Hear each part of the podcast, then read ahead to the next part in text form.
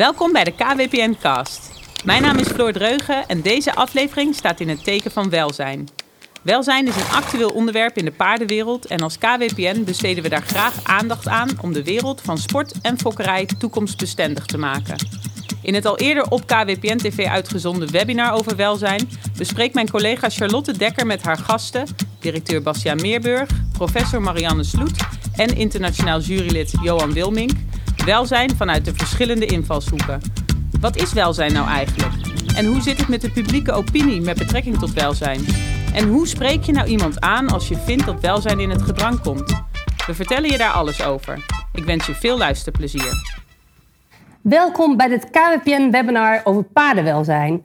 Een item wat de laatste jaren veel aandacht krijgt in ons land. En dat is ook terecht, want in Nederland, waar het welvaart van de mensen hoog is, is het ook goed dat er dan ruim aandacht is voor dierenwelzijn. Maar wat is paardenwelzijn precies en wanneer voldoe je daaraan? En wat heeft de discussie over welzijn voor een invloed op het KPN-beleid en bijvoorbeeld de evenementen? En hoe grijp je in als je iets ziet waarvan je denkt, nou, dat kan eigenlijk niet helemaal door de beugel? Daarover praat ik vanavond met mijn gasten, KWPN-directeur Bastiaan Meerburg, professor Marianne Sloet en praktijkdocent Johan Wilmink. Welkom allebei. Dank. Uh, om met jou te beginnen. We zeiden het al, paardenwelzijn is een, uh, een hot item. Uh, hoe vaak heb jij mee te maken in je dagelijkse praktijk als directeur van het KWPN? Nou ja, eigenlijk heb ik iedere dag daarmee te maken. Hè. Elke dag hier, als we op het centrum rondlopen, dan, ja, dan zien we directe gevolgen van beslissingen die we nemen op het gebied van welzijn in de praktijk. En ja, dat is, dat is belangrijk. Dat proberen we ook richting onze medewerkers uit te dragen.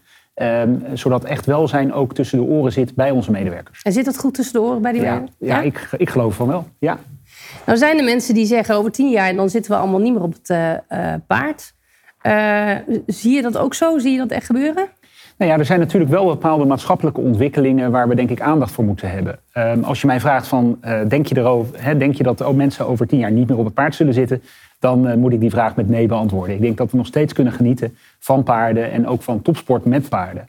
Alleen wel de manier waarop, uh, ja, daar, dat is aan veranderingen onderhevig. Ja, en dan zijn er best veel actievoerders die toch hopen dat we daarmee stoppen. En die invloed proberen uit te oefenen op bijvoorbeeld sponsoren van de Olympische Spelen.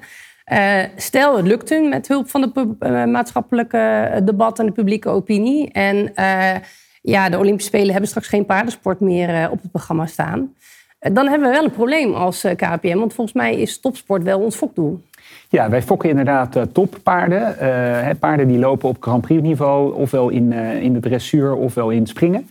Um, ja, en het is dus heel belangrijk dat topsport blijft bestaan, ook voor het KWPN. Um, maar het is natuurlijk aan de andere kant moet je ook de, de, afweging maken van wat is, wat is maatschappelijk aanvaardbaar. En um, ja, ik denk zelf nog steeds dat dat maatschappelijk aanvaardbaar is. Daarnaast is het natuurlijk ook zo dat heel veel KWPN'ers worden gebruikt niet voor topsport, maar juist in de breedte sport hè, of voor recreatieve doeleinden. Dus voor het KWPN in brede zin denk ik dat gewoon uh, ja, het heel veel mogelijk is ook in de toekomst. Nou heeft het KWPN dit jaar het vernieuwde KWPN-welzijnsbeleid. Ja, we staan hier in de stallen, of we zitten in de stallen, dus dan hoor je af en toe wat, uh, wat geluid van een paard. Maar het nieuwe welzijnsbeleid gepubliceerd. Kan jij aangeven wat daar de kernpunten zijn voor het KWPN? Nou, een heel belangrijk punt voor ons, en dat is een, gelijk een vrij praktische, dat is dat we meer aandacht hebben voor het welzijn van het paard. maar, maar bijvoorbeeld ook op het vlak van het scheren van tastharen en van het uitscheren van oorschelpen. Um, dat is een van de maatregelen die in dat welzijnsbeleid staat. En dat is natuurlijk een bepaald traject wat we, wat we doorlopen met z'n allen. Um, en, en ja, in 2022 was het zo dat deelnemers aan keuringen... Hè, die werden nog gewaarschuwd op het moment dat ze niet voldeden aan de eisen die we stellen in dat welzijnsbeleid. Maar vanaf 1 januari 2023 gaan we ook echt handhaven. En dat betekent dat mensen echt worden uitgesloten van deelname aan keuringen op het moment dat hun paard uh, niet voldoet aan de eisen die daardoor worden gesteld. En dan kunnen ze weer naar huis. Dan kunnen ze uh, ja, direct naar huis zonder in de baan geweest te zijn. En dat is toch jammer. Dat is zeker jammer als je daar uh, heel lang voor getraind hebt. En het is bijna 1 januari. Dus wat dat betreft uh, wel belangrijk om in ieder geval het scheerapparaat dan even achterwege te laten. Ja. Ja. nou is er dit jaar ook onderzoek gedaan naar hoe onze achterban denkt over zaken als paardenwelzijn. Maar ook over bijvoorbeeld dieractivisten. Kan je daar iets over vertellen? Ja, er is een uitgebreid onderzoek gedaan door, door Trendpanel Paard. En, en waarbij is gekeken van ja, hoe, hoe, hoe kijkt nou de maatschappij als geheel naar de paardenhouderij en de paardensport. En wat je dan eigenlijk ziet is dat, dat men over het algemeen best wel in een, ja, grote hoeveelheid van de, van de Nederlanders heel positief kijkt naar paardenhouderij en paardensport. 57% kijkt positief naar de paardenhouderij. 48% naar paardensport. Hè. Vaak zie je dat op het moment dat er geld in het geding is, hè, dat mensen dan toch net iets negatiever zijn. Maar er is best wel een hele grote groep die zegt van we, vinden dat acceptabel. Er is een klein gedeelte van Nederland wat zegt van ja, het is voor ons echt onacceptabel. En dat is, varieert bij de paardenhouderij is dat ongeveer 5%, 4, 5%. En bij de sport is dat uh, 6, 7%. Um, daar, daarnaast heb je een hele grote middengroep. En die middengroep die heeft eigenlijk niet zo'n beeld van wat wij uh, in de paardensport dan wel paardenhouderij aan het doen zijn. Um, en dat is jammer, want onbekend maakt onbemind. Ja. En een van de dingen die we natuurlijk moeten doen, is eigenlijk proberen om hen te laten weten van waarom we dingen doen en hoe we dingen doen. En uh, vandaar dat het onderwerp paardenwelzijn een heel belangrijk thema is, waarbij je dus ook hè, uh, op het moment dat je met paarden bezig bent, uh, ja, we vragen om ook dat, dat, uit te dragen, hè, dat gevoel uit te dragen, zodat die mensen beseffen in die middengroep van hoe belangrijk paardenwelzijn is. En wat paarden allemaal met je voor positieve aspecten kunnen meebrengen.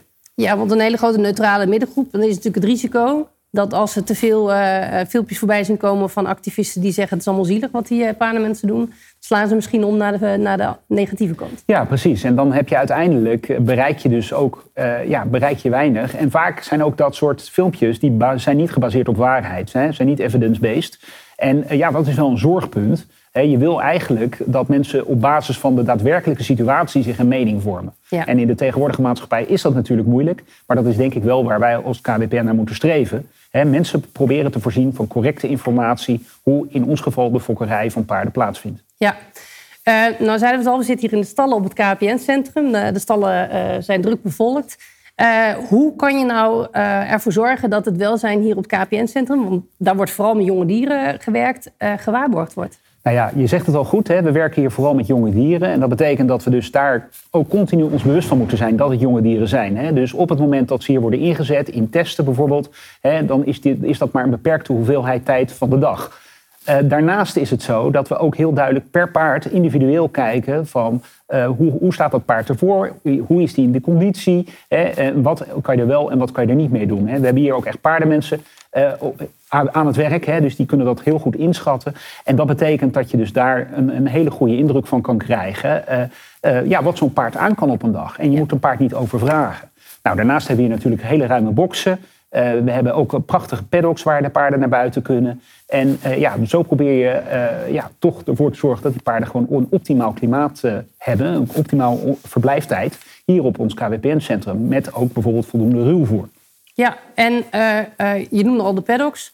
Nou krijg je echt wel eens de vraag van mensen die zeggen dan van... Uh, staan die hengsten er ook allemaal keurig in? Of staan ze daar voor de vorm? Nee, nee, ze staan er echt in. En ja, dat betekent dus ook dat he, juist die, die, buitenlucht, dat doet ze goed. He, dat zorgt er ook voor dat ze uit het ritme komen van hun, hun dagelijkse beslommeringen hier op stal. Ehm, ja, en is voor, vinden wij gewoon heel erg belangrijk voor de paarden. Ja. Nou, zeiden we al, we werken hier met jonge paarden. Uh, eerste bezichtiging is achter de rug. We gaan ook weer richting uh, hengstkeuring. Uh, een onderwerp waar ook wel mensen kritisch op waren... was de minimale leeftijd waarop je eigenlijk kan beginnen met het testen van paarden. daar zijn wij een stamboek in een internationaal veld. Dus op het moment dat, dat we zouden beslissen, zeg maar... nou, we wachten een jaartje hè, met dat hele selectietraject... dan kan ik me voorstellen dat de meeste eigenaren dan rechtstreeks naar onze oosterburen gaan. Dus dan mist zo'n maatregel elk doel. Dus je zal het internationaal moeten aanpakken. Hoe, hoe, welke weg bewandelt daar in het KWPN? Hoe pak je dat aan en hoe ziet dat traject eruit? Nou, we hebben natuurlijk de Wereldfokkerijorganisatie, de Wereldfederatie voor Stamboeken. Ehm, de WBFSH, daar doen we, hè, hebben we regelmatig overleg mee. Maar uh, ja, wij zijn als KWPN echt wel een van de voorlopers in dit hele traject. Uh, dat maakt het uh, hè, aan de ene kant mooi, uh, want dat betekent dat je echt die, die wijzende vinger ook kan hebben, hè, dat wenkend perspectief kan bieden. Aan de andere kant zijn er ook een heleboel standboeken die daar gewoon niet, nog niet aan toe zijn op dit moment. Ehm, dus wat, wat je moet proberen, en dat is misschien dan niet direct via de WBFSH, maar meer afspraken maken met andere toonaangevende standboeken in Europa. Dat je gezamenlijk zegt van joh, we vinden dat die leeftijd van paarden omhoog moet. Hè, we willen niet die jonge paarden bij ons in de testen hebben. Ehm, en je zal dat gezamenlijk moeten doen. Want als wij als KWPN, hè, zoals je zei, als wij dat als enige gaan doen, ja, dan is dat geen houdbare situatie. Nee. En wordt dat gesprek echt actief opgestart? Ja, ja ik was daar ook uh, bij de laatste vergadering in, in Dresden. Hebben we dat ook actief geagendeerd. Ehm, maar ja, het zal wel een traject zijn wat de nodige tijd gaat vergen. Ja, dat snap ik. Het is helaas niet eh, dat we vandaag kunnen beslissen dat morgen anders is. Nee. nee. Ehm, dan zijn we een fokkerijorganisatie met uh, veel fokkers als leden. dat betekent dat wij allemaal druk bezig zijn met de volgende generatie sportpaarden. Um, dan zijn er ook nieuwe voortplantingstechnieken, zoals embryotransplantatie en uh. Um, daar zijn er ook wel kritische vragen over. Hoe uh, sta jij daarin, of het KWPN daarin? Nou ja, kijk, op zich, e het zijn eigenlijk grotendeels ethische vragen die je daarover kan stellen. Hè. Um, je hebt natuurlijk de klassieke fokkerij, waarin je dus hè, de dekking via natuurlijke weg gebruikt. Nou, dat wordt bij de paarden eigenlijk weinig meer toegepast. Daarnaast heb je kunstmatige inseminatie en daarnaast ook embryotransplantatie en OPUXie. En van, van ieder van die technieken zijn positieve punten te melden en minder positieve punten. Bij natuurlijke dekking kan je bijvoorbeeld hebben dat een merrie je de hengst helemaal verrot schopt. Uh, ja, dat is niet wat je, wat je wil, maar het kan wel in de praktijk gebeuren. Aan de andere kant heb je bij bijvoorbeeld een traject als uh, OPU-ICSI, met name bij het, uh, het, het, wegnemen van de eitjes. En professor Sloet moet maar even zeggen als ik het uh, niet goed zeg, want zij is de echte ervaringsdeskundige wat dat betreft. Maar de, de, als je de eitjes zeg maar uit de merrie wegneemt, ja. Ehm, ja, dan, dan kan dat met pijn gepaard gaan. En dat betekent dat je eigenlijk continu zeg maar de pijnbestrijding optimaal moet hebben. En de vraag is, gebeurt dat altijd in de praktijk? Nou, zo zijn er allerlei ehm, ja, verschillende ethische vragen die je kan stellen bij de verschillende technieken.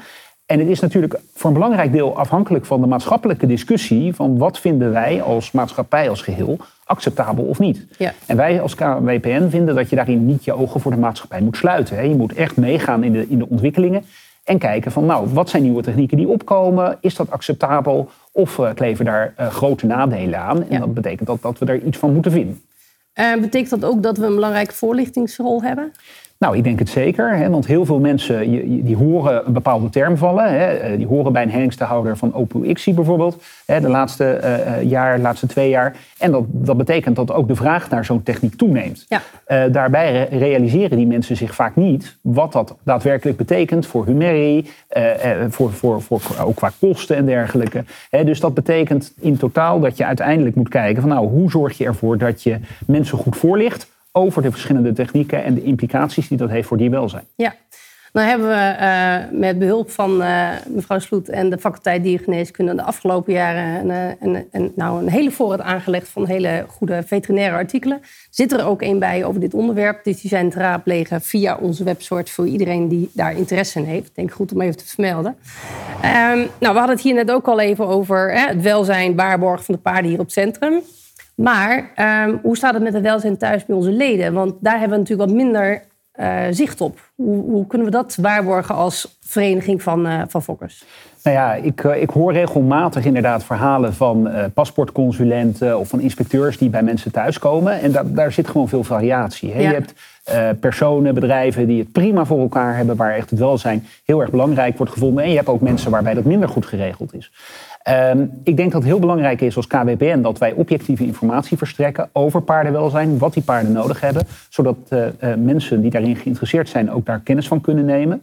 Um, en en we, we, hopen dat de situatie in de gevallen waar mensen het uh, he, niet helemaal voor elkaar hebben, dat die gaat verbeteren. Ja. Ja, het is natuurlijk niet zo dat wij als KWPN een soort politieagent zijn die overal langs gaat en met een, met een vingertje heffen. Nee. Maar we moeten mensen wel proberen om van die objectieve informatie te voorzien. Ja. En uh, waar het gaat om evenementen, uh, zijn we natuurlijk wel uh, aan de bal wat dat betreft. Zeker, en dat is ook een van de dingen. Hè. De, we vinden het belangrijk om daadwerkelijk op het moment dat wij de regels stellen, die ook daadwerkelijk te gaan handhaven. En dat, ja, dat kan in velelei vormen zijn. Hè. Wat ik eerder vertelde, de tasthaar en, en, en oren. maar misschien hè, ja, zijn, komen er in de toekomst nieuwe ontwikkelingen die, hè, waarin we ook moeten meebewegen. Hè, waarvan sommige mensen zeggen, ja, we snappen eigenlijk niet waarom dat is. Nou ja, het, is heel erg belangrijk dat, dat, dat iedereen zich in ieder geval bewust is van uh, de veranderende welzijnseisen door de tijd heen. En dat wij als KWPN daar gewoon op inspelen. Dan kan ik me ook voorstellen dat het soms praktische bezwaren oplevert. Want uh, er is bijvoorbeeld uh, veel te horen over bijvoorbeeld vier uur liefste paarden per dag in de paddock. maar dan moet je als ondernemer ook die paddocks hebben of kunnen bouwen. Of het personeel hebben om al die paarden in en uit die paddock te zetten. Terwijl heel Nederland heeft krapte op de arbeidsmarkt. Is dat allemaal reëel of gaan er ook mensen wat dat betreft de boot missen? Nou ja, je zal zonder twijfel ondernemers hebben die inderdaad de boot gaan missen. Um, er, zijn, er zijn ondernemers die niet de mogelijkheid hebben om op de locatie waar ze nu zitten uit te breiden, daar minder paarden te houden. Ehm, je moet je ook realiseren dat het houden van paarden op een dergelijke manier in een, bijvoorbeeld een pensionstalling dat dat extra kosten met zich mee gaat brengen. Ook voor mensen die daar uh, hun paard hebben staan. Stallingskosten, die ik nu al hoor, dat, dat is vaak 500, 600 euro op maandbasis per, per, per paard. Nou, dat loopt gewoon fors op. Ja. Uh, ja, en, en niet iedereen gaat dat, uh, gaat dat kunnen meemaken als ondernemer. Uh, die, die, kunnen die transitie naar, de, naar, die, naar dat verbeterde paardenwelzijnssysteem waarschijnlijk niet maken. Het KPN participeert eh, in de sectoraat paarden. Welke rol speelt die eh, hierin? Nou ja, het sectoraat paarden heeft een hele belangrijke aanjaagfunctie. Um, is ook een contact richting de overheid. De overheid speelt natuurlijk een hele belangrijke rol in de eisen die worden gesteld aan bijvoorbeeld hippische ondernemers. Uh, ook voor wat het betreft van huisvesting. En een van de problemen die we in het verleden wel hebben, hebben gehad, is dat er sprake is van steeds wisselende regelgeving. Ja. Uh, hè, dus dan een, een, paardenbox moet bijvoorbeeld een bepaalde maat hebben en een paar jaar later moet die weer een paar, een paar vierkante meter groter zijn.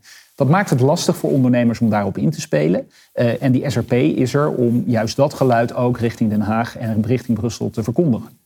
En dat is dan de sector. Wat kan de individuele fokker of paardenhouder doen om uh, wellicht de publieke opinie wat te beïnvloeden of in ieder geval uh, het welzijn uh, te waarborgen? Nou ja, heel belangrijk is be good and tell it. Hè? Dus als je, als je dingen doet, vertel waarom je het doet en hoe je het doet en waarom je het juist op die wijze doet. En dat zorgt hopelijk voor meer begrip bij die grote tussengroep van mensen die op dit moment eigenlijk onwetend is wat er in de, in de paarden gebeurt. Ehm, en daarnaast is het zo dat uh, het natuurlijk belangrijk is om ook zelf te kijken van hoe optimaliseer ik nou het paardenwelzijn bij mij op stal. geef ik voldoende ruwvoer? Uh, krijgen de paarden voldoende beweging, ook, ook buiten? Uh, en is mijn stalsysteem eigenlijk voldoende voor het borgen van dat welzijn? Hartelijk dank. Dat brengt mij gelijk aan de expert aan tafel, als ik het zo mag zeggen. Want mevrouw Sloet, u schreef in het aprilnummer van het KPN Magazine een artikel met de kop paardenwelzijn met het boerenverstand eh, bekeken. Wat is volgens u paardenwelzijn? Paardenwelzijn is dat een paard zich happy voelt op de plek waar die is. En als je kijkt, er zijn er allemaal ingewikkelde wetenschappelijke definities. Maar het gaat erom, voelt dat dier zich op zijn plek?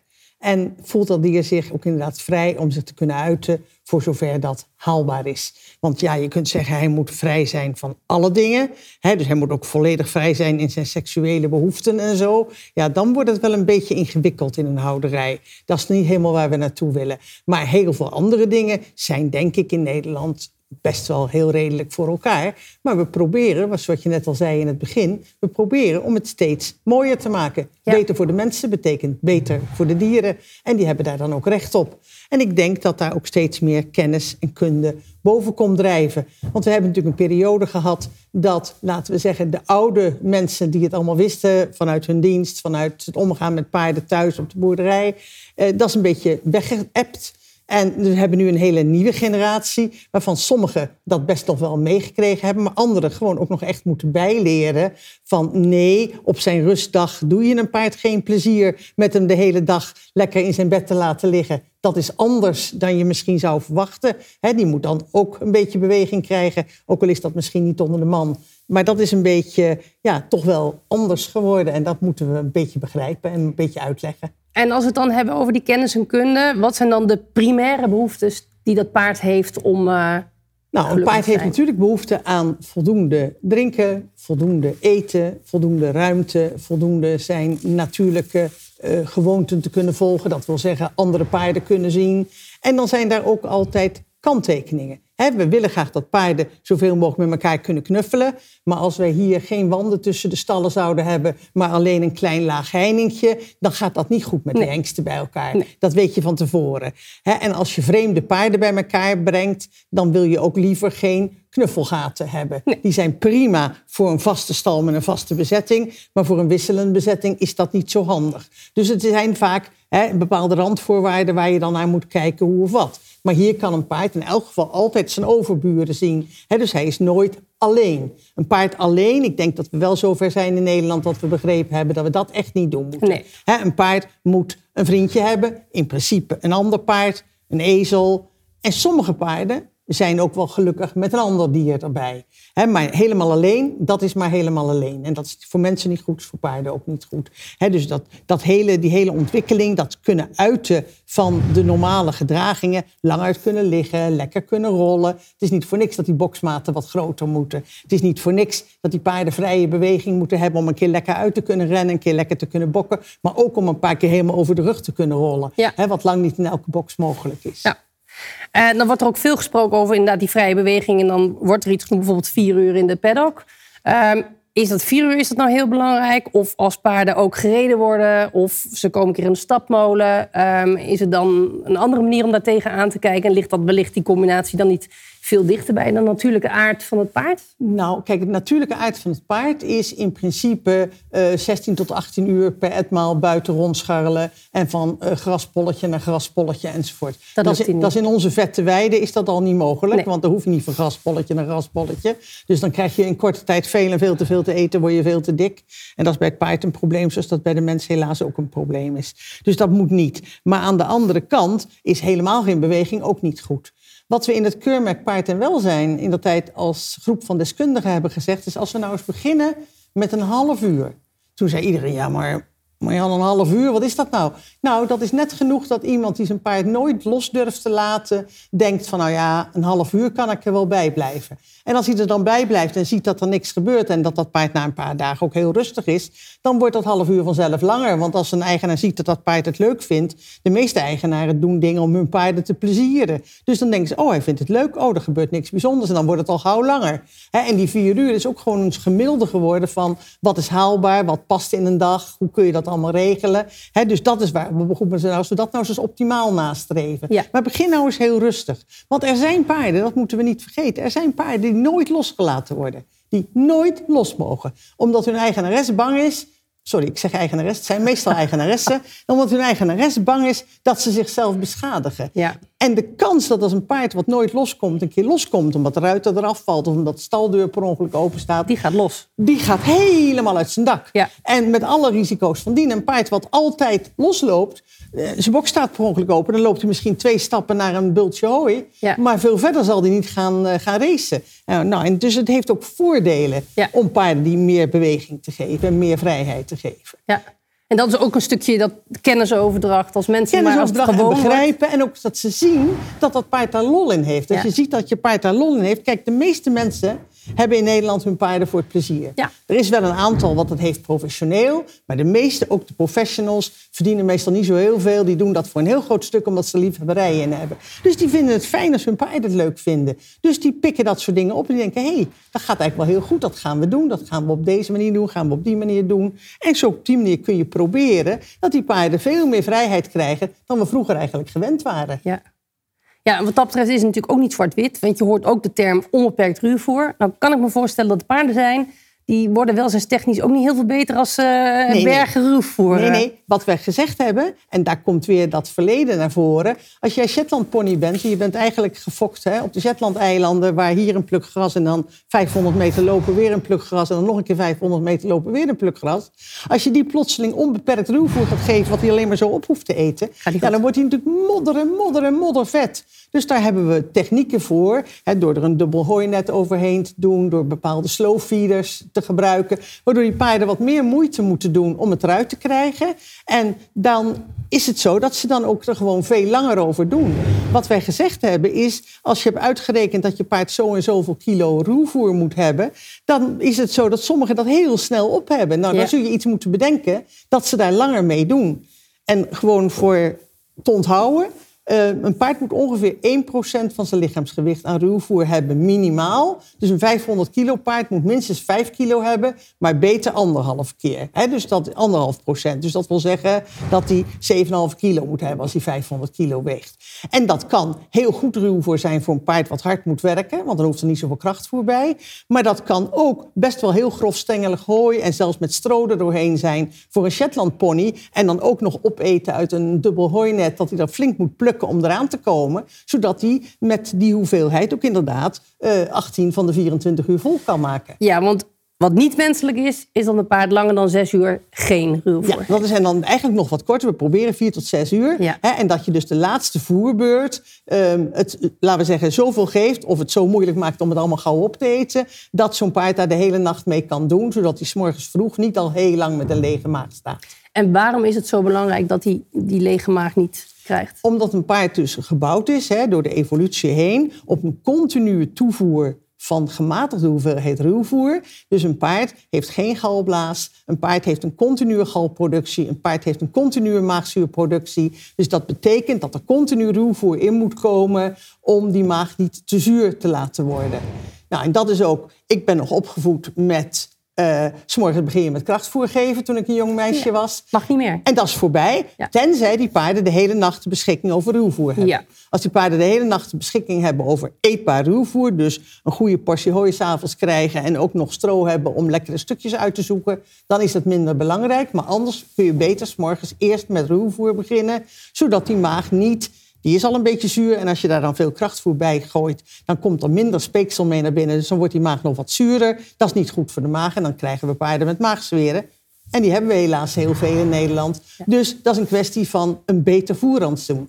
En dat is niet alleen maar omdat dat in het boekje staat. We hebben echt ervaring dat als mensen die veel problemen bij hun paarden hebben met maagzweren, als die zorgvuldig leren voeren. Hè, dus zorgen dat die paarden er s'nachts langer over doen om het allemaal op te krijgen. S morgens beginnen met ruwvoer en niet met uh, krachtvoer. Dat die zonder dat ze veel medicijnen nodig hebben. Die medicijnen zijn best duur. En dat ze zonder veel medicijnen toch heel vaak heel groot deel van dat probleem afkomen. Dus het helpt enorm om die paarden zorgvuldig gade te slaan en zorgvuldig te voeren. Nou hebben wij gedomesticeerde paarden die heel ver afstaan van hun natuurlijke collega's van uh, heel lang geleden. Kunnen wij überhaupt optimaal welzijn bieden aan onze paarden in gevangenschap, om het maar even zo te noemen? Ja, juist wel. Want doordat onze paarden veel meer gedomesticeerd zijn, zijn ze ook veel meer gewend en ook gefokt in de richtingen zoals wij ze willen houden. Alleen, ook daar is, laten we zeggen, de laatste decennia best wel veel veranderd. Want vroeger liepen die paarden gewoon de hele zomer buiten. En hè, wat voor weer deed er niet toe. Overal waren bomen, dus er was altijd wel wat beschutting. Dus die paarden redden zich prima. En tegenwoordig zijn er toch heel wat paarden... die helemaal nooit dag en nacht buiten lopen. dus dat, daar is best wel heel veel in verschoven. En daar moeten we wel kijken dat we dan ook inderdaad voldoende ruimte bieden. vroeger een koudbloed die... Uh, de hele dag op het land moest werken, s'avonds nog een paar uur in de wei mocht lopen en dan misschien s'nachts binnen werd gehaald, dat die dan wel eens een plekje had wat eigenlijk te klein was. Ja, dat was niet zo heel erg belangrijk. Want die boeren wisten wel, die deden hem ook op zijn vrije dag gewoon de hele dag het land in. dus die wisten wel hoe dat werkte en dat die beesten die ruimte wel nodig hadden. En dat die stal dan niet helemaal groot genoeg was. Maar nu hebben we natuurlijk in het westen van het land plekken, niet zozeer voor de fokkerij, maar wel voor de manegehouderij, waarbij gewoon ruimte geld is. En waarbij dus de boksen dan toch niet te groot zijn. En je boksen groter maken is ook best wel een kostbare zaak. dus dat, dat is al best wel ingewikkeld. En wat we toen ook bedacht hebben in het keurmerk paard en welzijn... is dat je eventueel, als daar de gang breed genoeg voor is... eventueel de voorkant uh, een stuk uit het hek kunt halen... zodat dat paard met zijn hoofd naar buiten kan. Of in de buitenmuur een luik kan maken... waardoor dat paard zijn hoofd naar buiten kan... en dus alweer automatisch wat meer ruimte ter beschikking heeft. En zo kun je dus wel proberen om het voor dat paard ook aangenamer te maken. Maar ja, het is wel ingewikkeld. Ja, ja en dan zijn er ook best wel veel uh, mensen die vinden dat we het toch allemaal niet zo goed doen. Uh, uh, we hebben aardig wat activisten die bijvoorbeeld strieken tijdens een concours of acties van dierenrecht. Denkt u dat dat een serieuze bedreiging is voor het voorbestaan van onze sector? Ik denk op zich dat dat op, geen bedreiging is, maar dat het wel een bedreiging is als wij daar niet een duidelijk weerwoord op geven. En dat wil zeggen dat niet we gaan staan ruzie maken, maar dat we proberen uit te leggen dat onze paarden, het zijn gedomesticeerde dieren, net zo goed als de honden gedomesticeerd zijn. En die jagen normaal ook in roedels uh, los, dat gaan we ook niet meer doen. Dus die paarden zijn ook gedomesticeerd. En dat betekent dat die paarden ook gewend zijn aan de manier waarop wij ze houden. He, daar zijn ze al, al nou, toch een aantal eeuwen op gefokt. En dat betekent dat die paarden zich daar prima mee kunnen redden. Als wij wel rekening houden met hun primaire eisen. Zoals er moet altijd gezelschap zijn. Je moet helemaal lang uit kunnen liggen in je box. Je moet over je rug kunnen rollen. Want anders is er gewoon niet genoeg ruimte. je moet wat te zien hebben. Je moet wat te doen hebben. En de hele dag tussen vier muren staan en drie kwartier erop zitten en verder niks. Dat is ook maar een hele saaie boel. dus daar moet wel wat aan gebeuren. Maar daar kan ook heel veel aan gebeuren. Ja. En dat zie je ook. En zeker als je in de topsport kijkt. kijk, er wordt wel eens gezegd, ja, maar topsportpaarden worden gedwongen.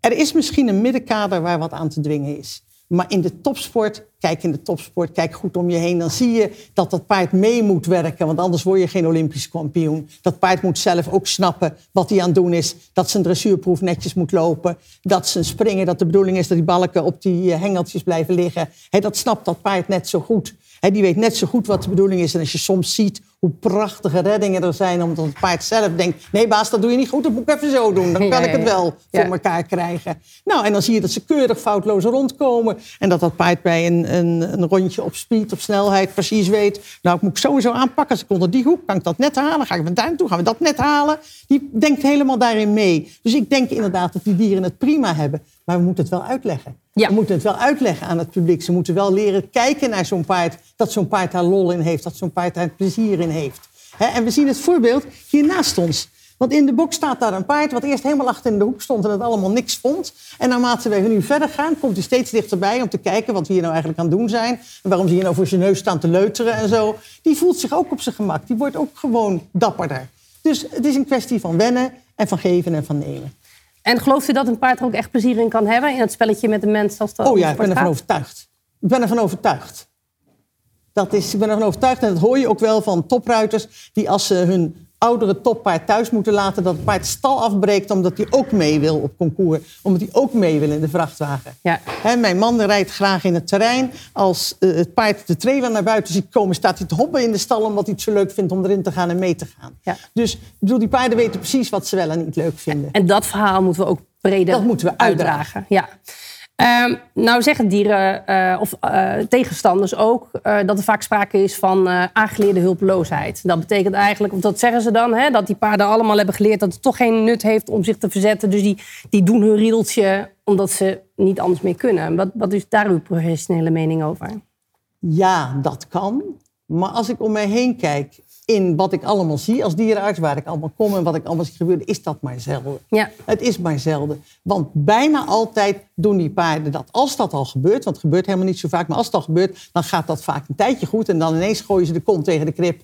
En dan willen ze helemaal niet meer. En dan kan niemand er meer wat mee. Dus dat, dat helpt ook niet. En, en de, dat weten de paardenmensen die er veel mee omgaan ook wel. Die weten wel dat je gewoon die beesten ook de kans moet geven om, laten we zeggen, zich te kunnen uiten. Ja. wat, wat naar voren kwam toen we bezig waren met keurmerk paard en welzijn, dat is dat manege-eigenaren die hun paarden niet vaak los hadden, ze op een goed moment allemaal veel loslieten. En dat ze zeiden, maar in de les is dat veel makkelijker. Die paarden zijn veel makkelijker geworden in de les. Want die, eh, die hoeven niet meer gek weg te bokken of wat dan ook. En die denken, nou dat doe ik straks wel zonder ruiter, want dan mag ik ook even lekker los rondrennen. Ja, ja. Dus dat dierenrecht bijvoorbeeld zegt, uh, paardensport is dierenleed, daar ben je het absoluut ben niet ik het absoluut niet mee eens. Nee, want ik ben het absoluut niet mee eens. Want kijk, een paard blijft een 700 kilogram dier. En als hij er echt geen zin in heeft, nou ja, dan heeft hij er echt geen zin in. Dan is het heel moeilijk om hem te dwingen. Ja, dan is het moeilijk om te dwingen. Uh, tegenstanders zeggen ook dat uh, paarden houden, dat moet eigenlijk volgens bepaalde regelgeving. Maar we hebben in Nederland natuurlijk ook bijvoorbeeld de NVWA of de Raad van Dierenaangelegenheden. Doen die daar niet al veel in? Ehm, de NVWA is gewoon een controlerende instantie op de regelgeving die de overheid heeft gemaakt. dus dat heeft heel veel ook te maken met uh, dieren die voor consumptie zijn, voor eten. Dus dat is bij het paard niet zo vaak het geval. Af en toe hebben we een, uh, een enorme affaire met paardenvlees. Maar door de bank heen genomen is dat in Nederland geen groot issue.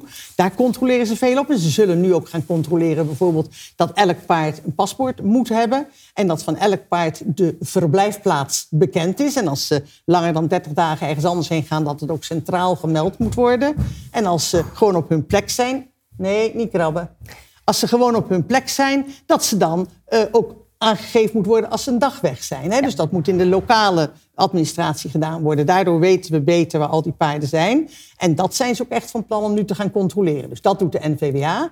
En de Raad voor Dierenaangelegenheden is veel meer voor beleidsadviezen. Hè? Hoe moeten de beleidsmakers met bepaalde dingen omgaan? En dat is niet zozeer een controleinstelling voor de gewone houderij. Het zou misschien wel goed zijn als op een goed moment voor minimale eisen van houderij, als daar wel een minimale regelgeving kwam. Ja. we hebben op dit moment in Nederland nog niet dat het verboden is om een paard alleen te houden. Nee. In landen om ons heen is dat al wel. In Zweden mag je geen paard alleen houden. Nee. Als je een paard alleen houdt, krijg je opdracht om er een bij te zoeken. Of om samen te gaan wonen met je buren. Ja. maar om daar iets op te bedenken. Dus de opdracht aan de sector is eigenlijk zorg dat je het. eh, Zorg dat je het voor zet. bent en nou ja, dat we ook met z'n allen het belang ervan inzien. We hebben een heel mooi keurmerk paard, paard en welzijn. Alleen op dit moment wordt dat niet zoveel gebruikt. Omdat men zegt, ja, maar dat is duur en dan moet ik aan bepaalde regeltjes voldoen. En dan moeten alle paarden moeten loslopen. Hè? Want in het oude paard en welzijn was het zo dat de manegepaarden dat moesten. Maar in de huidige regelgeving moet dat elk paard op stal. Dus ook de mevrouw die bang is om dat paard ooit los te laten, die moet ook meedoen. En dat geeft wel wat, wel wat overtuigingskracht voor Ja. nodig. Maar het is ook niet helemaal natuurlijk dat een paard nooit los mag. Nee, absoluut dus dat, en, dat zijn, en dat is wel door de tijd gekomen. Want ik weet zeker dat na de Tweede Wereldoorlog er in Nederland bijna geen paard was wat nooit loskwam. Nee. Want iedereen deed ze wel in de wei, want dat was lekker makkelijk en had je er weinig omkijken naar. Ja. Dus op de eh, website van het keurmerk Paard en Welzijn zijn al die basisbehoeftes en eh, reglementen zeg maar, te vinden. Ja, die zijn te vinden. En wat daar handig van is, is dat, ook al wil je nog niet gelijk aan het keurmerk meedoen, dat je in elk geval kunt vinden wat er geadviseerd wordt Ja. en waarom dat geadviseerd wordt. Ja. Dus paarden moeten met elkaar kunnen snuffelen. Daar zijn we 100% over eens. Maar niet als het allemaal vreemde paarden zijn die maar een paar dagen bij elkaar staan. Dan is dat weer niet zo handig. want dan want krijg je veel makkelijker verspreiding van ziektes. Ja. Er zijn ook zorgen over de belastbaarheid van het jonge paard. Wat is uw professionele mening daarover? Nou, professionele mening is natuurlijk moeilijk hè, om te vragen aan een internist. Want ik ben geen orthopeed.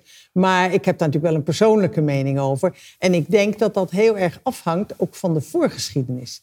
Kijk, wat wij niet moeten vergeten is wat een paard gewend is. Als een paard 2,5 jaar oud is of bijna drie jaar oud is... en hier komt voor de hengstenkeurings eh, klaarmaken trainen... dan, eh, als dat paard dan alleen maar eh, in de wei gestaan heeft... en de hele winter binnen in een groepshuisvesting en verder niks... ja, dan komt dat paard wel erg onvoorbereid. Ja. En we hebben vele jaren geleden daar al wat onderzoek naar gedaan... en gevonden dat als paarden eh, van jongs af aan wat belast worden... dus af en toe wat opgejaagd worden in een, in een buitenbak... gewoon wat, kunnen, wat extra be- beweging wordt gedwongen... opgegroeid zijn met zo lang mogelijk buiten in de groep... En wanneer ze gespeend worden in een andere groep met jonge dieren op veel ruimte en veel mogelijkheden, dan is dat natuurlijk wat anders dan dat zo'n dier eh, heel lang in een relatief kleine opfok heeft gestaan en eigenlijk nooit wat extra werk heeft gedaan. Dus ik denk dat het van jongs af aan beginnen met een beetje werk, en dan bedoel ik niet erop zitten, maar los een beetje in een binnenbak rond laten lopen, aan een halster maken, leren longeren en dan niet heel zwaar in allerlei houdingen gebogen, maar gewoon ontspannen. Dat zo'n paard, als hij wat meer gewend is, hier ook veel makkelijker in zo'n eh, in zo'n test mee gaat doen. Als zo'n paard nog nooit wat gedaan heeft, is dat niet handig. En wat dan verder van belang is, is dat die test ook aangepast is aan de leeftijd. Ja. Kijk, als je een, we hebben een, ik dacht in 2014, hè, u- Carolien Munsters is bij mij gepromoveerd op sportfysiologie. En toen hebben we ook een jaar hier bij de KWPN gekeken van wat er precies gevraagd werd van de hengsten ten opzichte van hoe ze daarop reageerden. En toen in elk geval paste de trainingsprikkel bij de leeftijd van de dieren Ja. en verbeterde ze ook heel duidelijk gedurende de hele trainingsperiode. We hebben ook wel eens bij een ander stamboek gekeken en gezien dat de training relatief te zwaar was voor waar die paarden op dat moment waren. Dus ik denk dat het niet zo heel veel uitmaakt of je nou met 2,5 of met 3,5 zoiets gaat doen, maar dat je vooral kijkt van dat die mensen een beetje erop letten dat die paarden ook inderdaad een beetje voorbereid zijn. En dat wil niet heel zwaar trainen en al volledig aangereden, maar wel dat zo'n paard al gewend is om gewoon wat meer te doen dan de hele dag in een box om zich heen te kijken. En dat betekent eigenlijk al vanaf veulentje kan je best af en toe wat Vanaf prikkels geven. veuletjes kunnen ze al duidelijk prikkels krijgen. Kijk, en nogmaals, als ze in een flinke kudde op een groot, hè, als je met een, een aantal merries op een 4 hectare stuk loopt, dan komen die prikkels vaak wel vanzelf. Als je maar met één andere merrie op een klein stukje loopt, komen die prikkels minder vaak. En dat Ja. geldt ook als je opgefokt wordt met z'n tweetjes in een hele rustige omgeving. Heb je minder training dan dat je met een grote groep op een heel groot land heen en weer kunt gaan. Dus het hangt een beetje van de omstandigheden af hoeveel extra werk daar misschien wel bij kan passen. En ook dat dieren dingen jong leren. Want ik ben er echt van overtuigd dat dieren dingen jong leren, dat ze daar ook naar de hand plezier van hebben. Het is niet anders dan met kinderen. Nee, nee en eh, ehm, wat u zei is ook heel belangrijk. De, de, de, de, de training of de begeleiding op maat per paard. Dus Ja. vooral kijken naar het paard. Ja. Paarden zijn individuen. Ja. En wat voor de een goed is, is voor de ander niet goed. En ik denk dat de trainingsleiders van de KWPN over de afgelopen jaren best wel een compliment mogen hebben dat ze wat minder in hun trainingsschema zitten en wat meer per paard kijken. Die moet een beetje meer dit, die moet een beetje meer dat. Laten we deze eens extra longeren, laten we die eens wat extra eh, ruimte in het land geven. Dus dat we daar wel proberen, of in de paddock geven, laten we wel proberen om dat individueel wat meer op maat te maken. En ik denk dat dat een heel goed streven is. En tot slot, wat kan de individuele paardenhouder zelf doen om het welzijn zo optimaal mogelijk in te richten? Als hij geen echte paardenachtergrond heeft, er veel over lezen, er veel over horen, er veel naar luisteren. En dan verder heel goed naar zijn paard kijken. Hoeveel mensen zitten er wel eens s'avonds op een strobaal in hun stal om gewoon te kijken naar hun dieren en hoe ze zich gedragen en hoe we dingen moeten doen. Dat we gewoon beter doorhebben, dit is belangrijk, dat is belangrijk, hey, dit vindt hij leuk, hey, dat vindt hij vervelend. Leer je paarden kennen. Leer je paarden kennen, kijk naar je paarden. Hè, want het is niet voor niks het oude gezegde. Het oog van de meester maakt het paard vet. En dan willen we ze weliswaar niet vet hebben. Maar iedereen begrijpt wat daarmee bedoeld wordt. Namelijk het oog van de meester zorgt dat het paard zich op zijn gemak voelt. En dat hij in een goede gezondheidstoestand is. En dan zegt u het oog van de meester, maar u zei straks ook al iets over eh, de vrouwelijke paardenbezitters die hun paard niet eh, los durven te doen.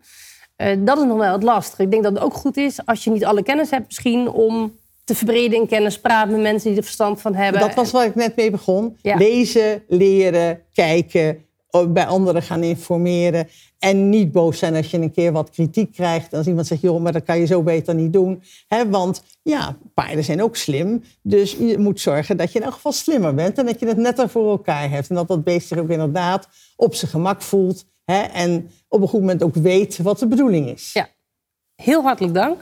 Het is voor mij een, eh, een bruggetje in onze volgende gast, eh, Johan. Een veelgeziene gast in Paardenland. Want eh, als ik het goed heb, ben je veilingmeester, omroeper, jurylid, paspoortconsulent. Je hebt iets, een aangespannen sport gedaan.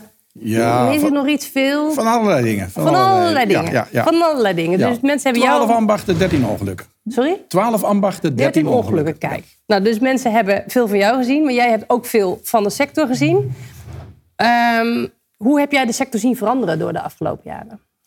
Ja, alles is veranderd. Eh, de paarden zijn veranderd. In de tijd dat ik, eh, ik reed, eh, begonnen we er lekker vroeg aan. Tweeënhalf jaar en dan zaten we erop. En dan gebeurde er al van alles. Mag niet meer. Nee, en dat is, dat is ook over. Ja. Dat is, eh, we hebben daar eh, de policy zelf ook eh, helemaal in veranderd. Maar je ziet ook in de sport allerlei dingen veranderen. Vroeger reden we of op de wei, of op een maaistoppel, of op een tarwestoppel. Of, Gebeurt ook en, nu niet zijn, meer. en nu zijn het allemaal fantastische banen. De parcoursen zijn allemaal veranderd. Ik heb nog wel een parcours gebouwd en eh, dat was met van het masthout. En dan aan de ene kant was er eh, zo'n eh, zo'n dikke en aan de andere kant zo'n zo'n dunne kant. En Kan ook niet meer. tegenwoordig allemaal licht gewicht met lichte lepeltjes en allemaal makkelijk. En, en we hoeven het niet meer in het dikke en in het grote en in het zware. Het wordt allemaal net iets technischer. Onze paarden zijn slimmer, onze ruiters zijn slimmer. Alles, alles is aan het veranderen. Het is allemaal veel technischer geworden. Allemaal ja, helemaal aangepast. Zoals vroeger eh, er geschaatst werd. Tegenwoordig klapschaats met aparte pakken. Alles is in evolutie. En ook onze, onze sport is in evolutie. En zijn dat wat jou betreft positieve veranderingen? Dat zijn denk ik ook positieve veranderingen. Hè? Kijk, als je. eh, dan moet ik even kijken naar de ponies. Hè? Als je een pony te dik of te breed laat springen, dan komen daar ongelukken van. Daar heb, daar heb je ook niet zoveel aan. Als het licht materiaal is en het valt makkelijk. Eh, Die fouten worden toch wel gemaakt. Het hoeft, eh, het hoeft niet. eh, de allerbeste paarden komen eigenlijk altijd boven de rij. Ja. Ja. ja. En in hoeverre uh, heeft uh, paardenwelzijn een rol in al jouw functies, die hele waslijst die, uh, die ik net opnoemde? Ja, ik, ik, bemoei me nogal wat met de sport natuurlijk. Ik ben ook level 3 internationaal jurylid. Dus ik kom ook op veel internationale concoursen. En dan kan je zien dat daar vanuit de internationale sportbond ook heel veel aandacht voor dat paardenwelzijn is. De FII die, die heeft stewards ingesteld, niet alleen juryleden de ground jury zit dan boven in, eh, in eh, het, eh, de juryaccommodatie. Maar er zijn overal stewards die altijd continu die paarden in de gaten houden. Dat gebeurt op de stal. Dat gebeurt op het, het flatwork, het dressuurgedeelte. Het gebeurt in de inspringering. Daar gaan ze vervolgens, ze controleren die paarden op hun harnachement. Ze controleren als ze de baan ingaan hoe het zit met de, de beenbescherming. Of daar geen scherpe dingen in zitten. Of daar geen harde kanten aan zitten. Dat is allemaal strak gereglementeerd. En niet alleen gereglementeerd, het wordt ook gecontroleerd. Het wordt gehandhaafd. Dat is natuurlijk heel erg belangrijk. Ja. En ruiters weten dat. En als ze weten dat er gehandhaafd wordt, dan passen ze zich daar natuurlijk op aan. Want hoe is het volgens jou gesteld met het paardenwelzijn in de, in de sector? Ik denk, ik denk dat we het goed doen. Ja? En, maar ik denk ook dat we het uh, steeds nog beter kunnen doen. Dat, is, dat is altijd. En uh, uh, ik vind het eigenlijk flauw om te zeggen dat, dat er geen paardenmensen zijn, alleen maar mensen met paarden. Dat is ook niet helemaal waar. Er nee. zijn mensen, mensen die ook met vol overgave met hun paard bezig zijn. Paardrijden is, is een dure sport. Dat kost veel geld. En als je een paard hebt, dan ben je er blij mee. Dan ben, je, dan ben je er toch iets van een vorm van verliefd op. Dus je, je doet het allerbeste voor dat paard. Ik heb, een, uh, ik heb paarden verkopen gelukkig over heel de wereld. Maar ik heb een, naar een Nederlandse topruiter een paard verkocht. Die vertelde een verhaal. Die had de uh, boksen zoals dit met een uh, open kant en een, en een kant dat ze ook binnen kunnen kijken. En die kreeg een hengst, die kocht een hengst. En de paard was helemaal dol. Die vloog door de box van de ene kant naar de andere kant, van de ene kant naar de andere kant.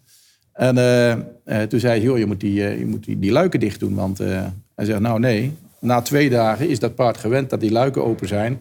En die was na twee dagen was hij helemaal rustig. En ik ben blij dat, we, dat ik naast een professor mag zitten met lekker nuchter boerenverstand. Die zegt, joh, kijk nou eens even gewoon naar dat paard. Kijk nou eens even wat hij zich happy mee voelt. Kijk nou eens even, even een goede analytische blik op dat paard. En, uh, en ik weet zeker dat uh, heel veel topruiters uh, die wij zien, die zijn ook gek op die paarden. Ja. En die zijn er zo van in de weer. En ik kan er heel veel namen bij noemen, doe ik niet. Maar die zijn echt in de weer om om uh, de kwaliteit waar ze mee te maken hebben. zijn vaak hele intelligente paarden die een persoonlijke aandacht uh, nodig hebben. Zei uh, Marianne Sloeten net ook al, van goh, dat gebeurt hier heel goed. We, hebben daar, we, zorgen dat de ene wat meer, de ander wat minder. En, en dat doen ze die topruiters ook. Die zijn allemaal in de weer om die paarden zo optima forma in hun vel te laten zitten, zodat ze ook optima forma kunnen presteren. Maar ik denk dat dat iets is wat de buitenwacht, die er niet zoveel met paarden heeft, dat wellicht niet ziet. Want die denkt, topsport is geld verdienen. En wij kennen de verhalen van uh, ruiters of eigenaren die slapeloze nachten hebben als hun paard uh, niet fit is. Is dat dus ook iets wat we nog meer moeten uitdragen? Ja, uh, gelukkig werd er vanavond aan deze tafel ook al gezegd van... God, er is een grote middengroep die, die zeg maar redelijk neutraal is. Ja. Kijk, als er van die veganisten in Leeuwarden door de piste heen rennen... die kun je overal in voorlichten maar die hebben een blik die zomaar niet veranderd wordt. Nee. Hè? Die hebben ook hun bestaansrecht door te ageren tegen wat wij allemaal goed doen. Ja. En, die, en er is altijd een foto, er is altijd een filmpje te maken van waar het net niet goed gaat. Ja. Maar er zijn ook honderdduizend filmpjes te maken van dat we de top voor elkaar hebben. Ja, dus als ik jou beluister, vind je eigenlijk dat het over het algemeen heel erg goed gaat. Zeer zeker. Maar er is ruimte voor verbetering. En als ik jou ook kan corrigeren, maar als ik het verkeerd zeg die ruimte voor verbetering zit niet alleen maar bij de mensen uh, met paarden, maar ook af en toe bij de paardenmensen. Dat is over de hele sector zijn verbeteringen mogelijk. Zeer zeker, want wat wij uh, vroeger altijd deden, omdat we het zo geleerd hebben, daar is uh, vanwege voortschrijdend inzicht wel iets in veranderd. Ja. Vroeger spoten wij een paard af en dan gingen wij keurig netjes met een zweetmes eroverheen. Tegenwoordig wordt er geadviseerd om dat paard zeg maar af te spuiten en hem juist niet droog te trekken. Omdat dan de, de, de, het, de cooling down veel meer effect heeft. Ja. En niet altijd een paard uitstappen met een deken erop, maar hè, aan, de, aan de buitenleg te, te laten opdrukken. Dat zijn allemaal inzichten, die hadden wij vroeger niet. Want wij dachten vroeger van, god, hij heeft het net zo koud als ik. Ja. Maar ik weet wel dat deze jongens het allemaal niet zo koud hebben als wij nu hebben. Nou, dat is niet zo moeilijk. Ja, dat is niet zo moeilijk. Wij Ja. hebben het zeker koud in onze... Ja. Dus, dus, dus je, moet er, je moet er niet alleen met je mensenverstand naar eh, kijken, maar vooral een beetje met paardenverstand. Ja. En, dat- en, en ik denk dat dat wel een belangrijk ding is. Maar dat is best lastig, want wat is paardenverstand? En we zijn het ook niet altijd met elkaar eens. Ehm, dus eh, eh, ja, hoe zorg je dan toch dat je met als hele sector zeg maar, die stap vooruit zet? Nou, ik denk, ik denk dat zowel de Sportbond als, als, eh, als het grootste stamboek in Nederland daar heel veel aan doet. Er komen in de, in de strenge allerlei publicaties. Er komen ook publicaties in de paard en sport. En er wordt heel veel aan gedaan. En dan moeten we elkaar moeten we daar een beetje eh, in scherp houden. Ja. En we moeten elkaar, eh, hoe meer voorlichting dat er is, en, eh, en Marianne zei het net al, lees eens een keer, leer eens een keer wat, ga eens een keer kijken. Overal waar ik kom, kijk ik even. Ik probeer eventjes overal een idee op te doen, eens even opsnuiven. Hoe doet die dat dan? Of, of welke mogelijkheden zijn er dan? Hè? Nou, zeiden we ook al van er zijn regeltjes hè, van eh, wat wel mag en wat niet mag. En om het welzijn eh, te, te eh, handhaven is het belangrijk dat we daar die regeltjes ook naleven en dat we daar controleren. Nou, jij geeft onder andere trainingen aan toezichthouders van het KWPN en de KNS. Eh, wat zijn bijvoorbeeld onderwerpen die je dan behandelt en wat je ze meegeeft? Nou, een belangrijk ding is natuurlijk, als je regels met elkaar afspreekt, moet je het ook nakomen. Hè? Ja. Want eh, eh, op het moment dat eh, Marianne het wel mag en wij met z'n tweeën niet, dat zou een beetje oneerlijk zijn. Dus als we een regel afspreken, moet je hem handhaven, met z'n allen. En daar zijn dan die toezichthouders voor. Alleen hebben wij natuurlijk een, een maatschappij waar iedereen bijzonder mondig is. Dus je zal als handhaver zal je ook een goede techniek, goede gesprekstechniek moeten hebben. En nou goed, eh, eh, politieagenten, eh, dominees, pastoors, onderwijzers, dat zijn de mannen die altijd met het vingertje omhoog doen. Ja, dat, is, dat moet niet de policy zijn van, van een toezichthouder. Nee. En je ziet bij, bijvoorbeeld bij de internationale stewards, die zijn gewoon niet alleen erkend door de FII, maar die worden ook erkend door alle deelnemers. En zij weten dat we met elkaar ervoor moeten zorgen dat we dat paardenwelzijn eh waarborgen. En daar vandaan doen zij hun werk en dat wordt ook geaccepteerd. Ja. Eh, en ze doen hun werk, dus ze proberen uit te sluiten dat het onacceptabel is. Maar wat vinden wij met z'n allen onacceptabel? Kan je daar iets van, eh, van noemen? Ja, er, staat in het KNS-reglement staat daar wel iets over. Hè? Die zeggen goh, publieks- of paardonvriendelijk gedrag. En, en op het moment dat een paard weigert, dan eh, eh, je kun je allerlei dingen afvragen. Maar als je gefocust bent in de sport, eh, dan heb je daar misschien een idee over. En dan je dat paard misschien een tik geven. Nou, eigenlijk is dat volgens mij nog best wel tolerabel. Maar een paard afrossen in de baan, dat is natuurlijk helemaal niet, kun je helemaal niet tolereren. Overal worden films gemaakt eh, door Clip My Horse, maar ook door omstanders. Eh, En dat gaat natuurlijk zo eh, op de World Wide Web. En dan, ja, dan wordt dat uitvergroot en dan krijgen we daar heel veel problemen mee. Ja. Bloed bijvoorbeeld eh, in de sport is niet toegestaan. Niet in de mond en niet in de flanken. En zeker niet als het komt vanuit de vreedheid. Daar wordt er ook rechtstreeks eh, tegen opgetreden. Maar is dat het verschil? Dat je, je mag corrigeren, want je hebt met een paard van 600, 700 kilo te maken. Dus als het echt fout gaat, dan mag je corrigeren. Maar alles wat naar wreekheid eh, overkantelt, dat is gewoon een no-go. We weten het in dit huis als geen ander. Eh, je hebt eh, hengsten die zijn eh, bijzonder brutaal. En als je daarop zit en, en, en die, die begint te brullen en die gaat, die heeft, een, die heeft correctie nodig. Want anders gebeuren er ongelukken. En dan, is de veiligheid in het geding. Niet alleen van de ruiter die erop zit, maar ook voor dat paard zelf. En alle omstanders en eventuele andere paarden. Dus dan moet dat paard gecorrigeerd worden. Maar een correctie is iets anders dan afranselen. Hè. Dat, Ja. dat, is, dat kan echt niet. Heb jij in je werk dan ook te maken met omstanders die zich ergens mee bemoeien? Die juist zeggen, hé, hey, daar gebeurt iets, moet je niet ingrijpen. Of die juist zeggen van, eh, joh, dat valt me wel mee, want... is een hele bekende ruiter of een hele goede hengst. Dat heb ik bij gedekt en, eh, en laat hij gewoon even zijn ding doen. Tuurlijk hebben we daarmee te maken. En, eh, en daarom hebben we eh, krachtige eh, toezichthouders nodig die dat kunnen. Gelukkig hebben we morgenavond dan de eerste bijeenkomst. En we hebben een club met toezichthouders kunnen bereiken die al heel veel ervaring heeft. en die ook een mannetje staan, die ook handhaven als het moet, zonder aanzien des persoons Ja. en zonder aanzien des paards. Die, die treden gewoon op als dat moet. En zo moet dat ook. Ja. Maar is het voldoende als het alleen bij de toezichthouders houden? Of zou het mooi zijn als wij hier aan tafel en iedereen die kijkt... eh, als hij iets ziet waarvan hij denkt van... nou, dat vind ik toch niet helemaal eh, zoals het hoort... er iets van zou kunnen durven zeggen? Ja, eh, dan heb je het. Laat ik het zo zeggen. Als je een toezichthouder bent of een jurylid bent, dan spreek je deelnemers aan Ja. op hun gedrag. Als je publiek bent, dan denk ik dat je dat anders moet doen. Dan moet je het bespreekbaar maken. En dat is iets anders. En hoe doe je dat? Stel eens een vraag. Waarom doe je dit? Nou, Bijvoorbeeld. Nee, maar even ja, praktisch. Hè? Want ja, dat, je- dat, is, dat is misschien niet de allerbeste vraag, maar Maar daarom zit zeg, jij zeg hier ik tegen, zeg ik tegen de interviewer. Maar, eh, eh, ja, maar stel daar eens een vraag over. Nee, maar eh, ik, ik zie iets. Ik ben op concours en ik zie er iemand en ik denk, nou, dat vind ik echt niet oké. Nee, Maar er zit er ook nog een eh, bekend iemand op. Of eh, ja, ik vind het lastig. ja, Maar, maar, pff, hoe? ja. Ik stel geen domme vragen meer, dus ik laat hem gewoon nu bij jou. Ja, precies, dankjewel. Dan kan ik een dom antwoord geven. Maar eh, eh, ja, je zou kunnen zeggen, mag ik je even iets vragen? Dat zou, Ja. dat zou al een ding zijn. Iemand die een paard slaat, mag ik jou even iets vragen? Ja. Dan, dan, is er, dan is er al iets anders. Eh, je kan ook roepen van, nee, dat mag niet en dit en dat is zo. Maar dan zit je op de verkeerde stoel. Ja. Je kan beter, beter daar een vraag over stellen. Als ik bij, bij iemand komt, kom om een, een veulentje te chippen... en ik zie een merrie met zulke lange voeten... dan zou ik daar een vraag over kunnen stellen. Ja. Dan zou ik zeggen van, goh, wie heb jij hoefsmid? Of komt, bij jou, komt jouw hoefsmid ook zo, eh, zo slecht opdagen? Of, eh, eh? Ja. Maar het in ieder geval bespreekbaar maken. Ja. Eh, soms is er een reden voor. Hè? Je kan ook al heel snel iets in de, de belastende manier vertellen. Maar je kan ook een vraag stellen.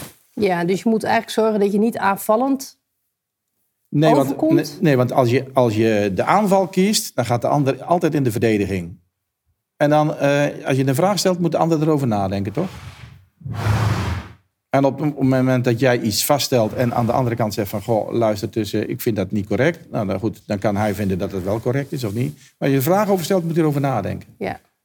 En, en, en het, het bespreekbaar maken, dat zou volgens mij eh, de juiste eh, methode zijn om iets eh, in gang te krijgen.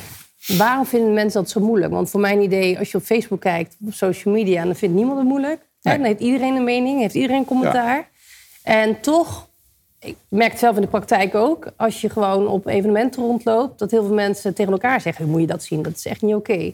Maar een enorme drempel voelen... om uiteindelijk zelf op iemand af te stappen... en er iets van te zeggen. Ja, dat is wel een vorm van een angstcultuur, denk ik. En hoe is die En dat is veilig, het is veilig natuurlijk om het, eh, om het thuis eh, uit te tikken. Hè? Want dan, eh, dan nou kan er nog iemand iets terugschelden of weet ik het wat. Maar, maar daar moet je rechtstreeks de confrontatie aangaan. Ja. En dat is echt wel moeilijk. Ja. Dat is echt wel moeilijk. Hoe heeft u dat ervaren, professor Sloet? Ik heb die vraag gesteld voor twee weken geleden op een nascholing voor paardendierenartsen. Je staat aan de rand van een concours en eh, van de losspringterrein en je ziet iets wat echt niet door de beugel kan. Ja. Wat doe je? En dan had ik vier keuzes. Je gaat naar de toezichthouder en je zegt van... hé, hey, eh, ik zie als dierenarts dat en dat. Wat vindt u daarvan? Nou, de toezichthouder staat daar vanuit zijn functie. Nou, dan kan het zijn, dat gebeurt gelukkig niet zo vaak... maar het kan zijn de toezichthouder zegt... nou, sorry, maar die spreek ik niet aan. Als je dan als wedstrijddierenarts daar staat... dan heb je een taak nog steeds voor het welzijn van het paard. Wat doe je dan? Nou, zo hadden we een hele vraagstelling. En daar bleek toch dat verreweg de grootste groep... van de aanwezige paardendierenartsen zei... nee, ik ga naar de toezichthouder. En als de toezichthouder niks doet en ik vind dat het echt niet kan... dan stel ik de vraag. Dan haal ik de ruiter bij me en dan zeg ik... hé, hey, waarom doe je dit of dat? En als je dan daar in een officiële functie staat... dan kan dat nog steeds. Ja. Nou, en dan is het een beetje afhankelijk van hoe je persoonlijkheid is en hoe je bent. Als ik langs zo'n ring loop, hoef ik alleen maar te kijken. Heb ik nooit, hoef ik nooit een, nooit een vraag te stellen. Eh, uw ogen lijken, u lacht wel, maar uw ogen zijn redelijk dwingend. Nou, dan kan ik redelijk streng zijn. Maar niet iedereen, dat is ook opgebouwd in jaren. Ja. Dus ik denk echt dat iedereen daar naar moet kijken. En als je vragen hebt als publiek, kan je natuurlijk ook naar de toezichthouder lopen. Want die kan uitleggen van, nou, dit vind ik nog acceptabel. Als een paard twee keer achter elkaar heel vuil weigert... dat dat paard een keer een, op, eh, een, een tik krijgt, dat is heel, heel duidelijk. Maar het moet binnen de grenzen zijn van wat wij een acceptabele correctie voor een paard vinden. Ja. Ja, en uiteindelijk is het natuurlijk wel zo dat de toekomst van de paardensector maken we met z'n allen. Ja, en als we dus onredelijk een paard eh, aframmelen, ja, dan moet daar dus terecht wat van gezegd worden. Ja. En daar moet je dan ook een uitspraak over willen en durven doen. En dat is ook goed. En ik denk ook dat de KNS dat heel serieus oppakt als er zoiets is op een wedstrijdterrein. En dat bij de, bij de eh, fokkerij niet anders hoor. Als daar op een keuring iets gebeurt wat niet door de beugel kan, dan zie ik toch heel vaak of een toezichthouder, maar ook heel vaak gewoon een, een andere deelnemer zeggen: hé hey joh, hou er eens mee op. Want die weten ook wel dat dat slecht is. Dus Ja. die, die pakken dat ook al op. Die corrigeren elkaar ook al heel aardig. Ja. Dus eh, Johan, als ik eh, jou goed begrijp, je moet niet te afvallend zijn. Nee, zeker niet. Stel een vraag. Stel een vraag. Als je het niet aandurft, ga naar een eh, toezichthouder.